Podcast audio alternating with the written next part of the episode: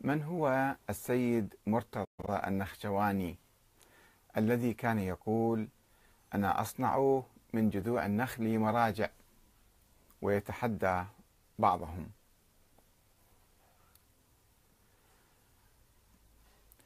كما تعرفون يوجد في الحوزة كثير من المجتهدين ولكنهم آه، لا يصبحون كلهم مراجع. واحد اثنين ثلاثة من عندهم. وربما كان بعضهم أعلم من المراجع ومع ذلك لا يصبح مرجعا مرجعا للتقليد. لديه علم كثير ولكن آه، هناك أسرار وراء ذلك. هناك أسرار في ما وراء كواليس المرجعية التي لا يعرفها الكثير من الناس.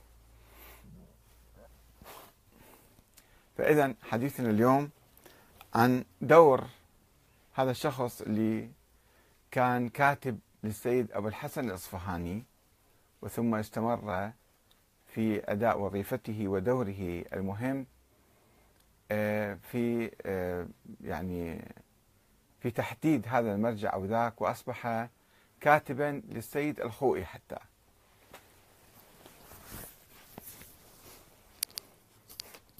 كيف يصبح المجتهد مرجعا؟ لعلمه وأعلميته أو لفكره أو ماله أو علاقاته الجماهيرية الخاصة مثلا أو نشاطاته الاجتماعية والسياسية أو اعتماده على الدعاية والإعلام. ثم ما هو مقياس العلم والأعلمية؟ ومن يحدد ذلك؟ دروسه وكتبه أم شهادات العلماء بحقه. ومن هم أهل الخبرة الذين يرشحون المجتهد للمرجعية ويقدمونه لعامة الناس. هل هم فئة الأساتذة والعلماء والفضلاء في الحوزة؟ أم هي مافيا سرية مخابراتية خاصة؟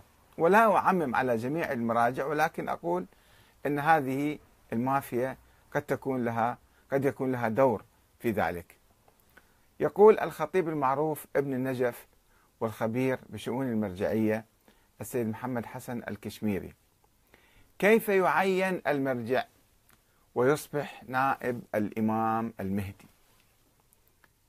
يتابع يقول أنا أعرف أن هذه الأمور تفبرك وتبلور ومنذ طفولتي وأنا داخل هذه الشبكات وعادة ما تقوم الشبكة بالتفاهم مع عناصر محددة ولاعبة وتجري اتصالات مع جهات مع جهات مع جهات مخابراتية إقليمية ودولية وتدفع مبالغ ضخمة لبعض أئمة المساجد المهمين في بعض البلدان وتتجمع الجهود فتنتج شخصية ويعمل على تسليط الضوء عليها إعلاميا من خلال المجلات والجرائد والفضائيات وتكون النتيجة أن يفرض هذا على الطائفة وتقلده الناس كمرجع ونائب للإمام.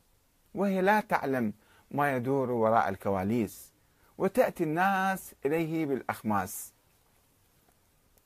الكشميري في كتابه بين قوسين صفحة 151 إلى 152 وحسب ما يذكر الكشميري في كتابه الآخر جولة في دهاليز مظلمة فإن مجموعة من المشايخ وحواشي المراجع كانت تقوم بترتيب أمور المرجعية العليا ودعم هذا المرجع ومحاربة ذاك لوبيات داخل الحوزة يعني. واستعرضنا أسمائهم في حلقة سابقة عن الصراع الأبدي والمستمر بين الملوك ومراجع الدين من أردشير الساساني إلى محمد رضا بهلوي. ويضيف السيد الكشميري فيقول إن هذه العصابة أو اللوبي أو المافيا سميها ما شئت هي مجموعة سرية للغاية مشابهة تماما للمحفل الماسوني العالمي. فهي مجموعة ذات أخطبوط منتشر في إيران وفي لندن وأمريكا والنجف الأشرف ولبنان وبلاد الخليج والمنطقة الشرقية بالسعودية. ويترابط أفرادها سريا عبر الإيميل والرسائل ذات الشفرة السرية أو عبر رسائل شفوية وغير ذلك. صفحة 384 وقد تجلى دور هذه المجموعة في اختيار المرجع الأعلى بعد وفاة السيد محسن الحكيم. عام 1970 وكان يومها يوجد من العلماء الكبار الذين تشهد لهم الحوزة النجفية بالعلم والتقوى والورع. مثل واحد الشيخ حسين الحلي أستاذ الخوئي وأستاذ السيد محمد باقر الصدر. اثنين المرزا حسن البجنوردي صهر المرحوم السيد أبو الحسن الإصفهاني.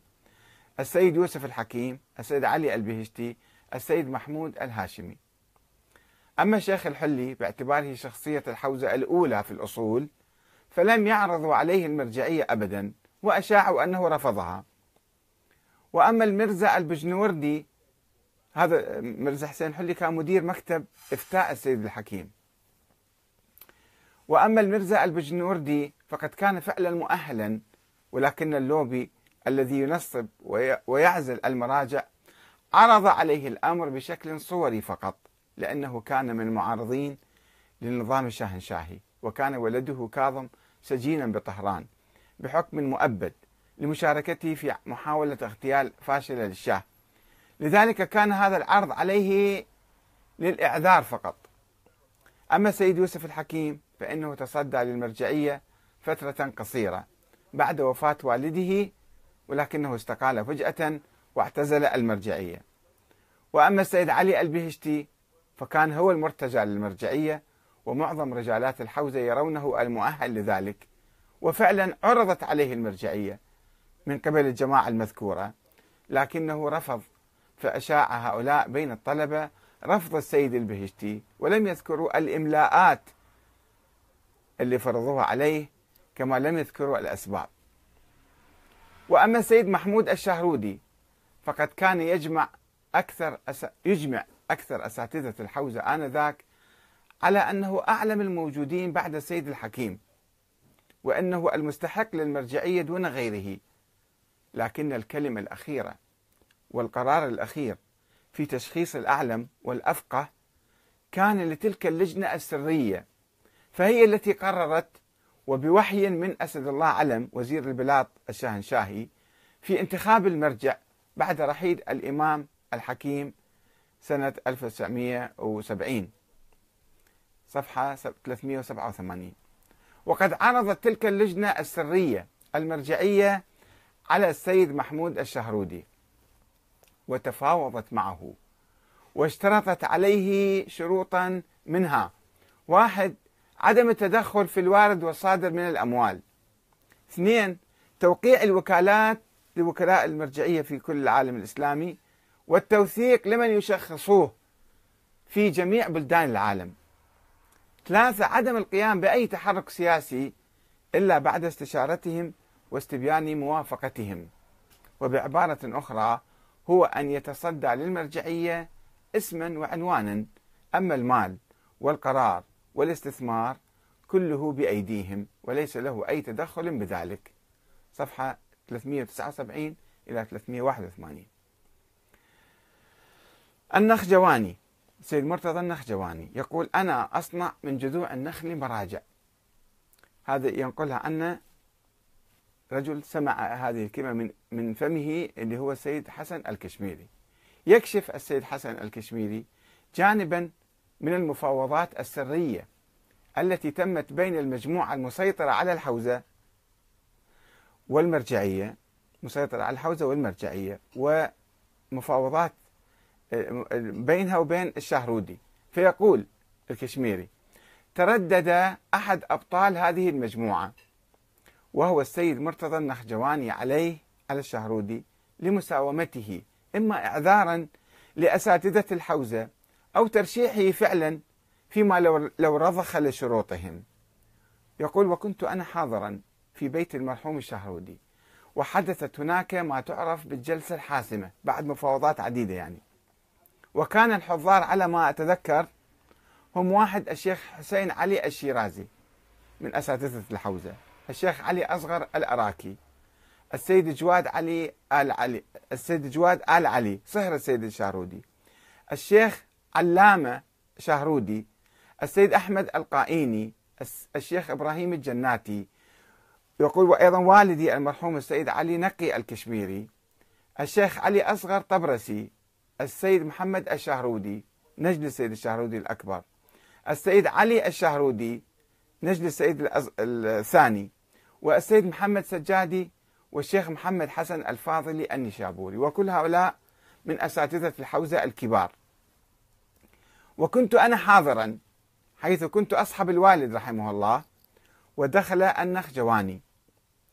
وهو بعصبية وقال للسيد رحمه الله إنها آخر مخاطبة لك وقد أتعبتنا ولقد جرى هذا الكلام بالفارسية ولكن أترجمه للعربية كما يقول الكشميري. فهل توافق؟ أم لا؟ فرد عليه السيد مشيرا إلى لقاءات سابقة قائلا يا سيد نخجواني قلت لك لابد أن أعرف كم يدخل من المال وكيف يوزع؟ ثم صاح, صاح السيد بشدة لقد علمت قبل فترة أن علي ابن الشيخ نصر الله الخلخالي وهو شاب مراهق وغير معمم تعطونه راتب 30 دينارا فبأي ميزان شرعي؟ وحتى الوزير في الدولة لا يتقاضى راتبا كهذا. كان هذا في وقت يعطى المدرس المعيد في الحوزة في النجف الأشرف راتب دينارين ونصف شهريا. ورد عليه النخجواني بأن هذا تعينه اللجنة المختصة. مو شغلك يعني. وهنا صاح السيد بوجهه. تريدون مني أن أكون مرجعا بالعنوان فقط؟ وأنتم تتصرفون بما تشاءون؟ فهل هذا مبرئ لذمتي؟ فأجابه النخجواني بصرامة. نعم. تقبل أو لا؟ فصاح السيد الشهرودي. لا بد أن نفكر في, في الأمور. فغضب, فغضب النخجواني وقال يا دهاتي يعني يا قروي باللهجة الإيرانية كفاك مصاخة أنت تعلم تماما أني أصنع من جذوع النخل مراجع. والله سأدمرك وسأكتب إلى حدائق وإلى محسن زادة وإلى محلات أسماء أشخاص يعني في إيران. ولتعرف ذلك تماما. وهنا أحمر وجه السيد الشهرودي غضبا ورد عليه قائلا انظر اذهب أنت وجذع نخلتك إلى جهنم. واصنع ما شئت ولكني أقول لك يمكنك أن تفعل كل شيء ولكن لا تقدر على شيئين وذلك مستحيل عليك. الأول أنك لا تستطيع أن تنزع عمامتي من على رأسي. والثاني إنك لا تستطيع أن تنكر صحة سيادتي وانتسابي لرسول الله. ويشير السيد الشهرودي بهذا إلى فتوى من السيد الإصفهاني السيد أبو الحسن الإصفهاني تنكر سيادة المرحوم الإمام الخوئي. وكان النخجواني قد نشرها في فترة سابقة. وهنا خرج النخ... السيد النخجواني والجلوس كلهم كأن عليهم رؤوس الطير. ويتساءل السيد حسن الكشميري متعجبا لماذا هذا السكوت؟ ولماذا لم يتحرك ولا واحد ولا ينكر على الرجل ذلك؟ ويجيب إن هذه المافيا كانت تهيمن على دائرة الإقامة في النجف الأشرف وتنسق مع السفارة الإيرانية في بغداد والنجف الأشرف. وكان السفير الإيراني آنذاك ببغداد مهدي بيراستا والقنصل الإيراني في النجف أبو القاسم ياقوتي. في وسط هذه المعمعة كانوا من وراء ذلك يعني.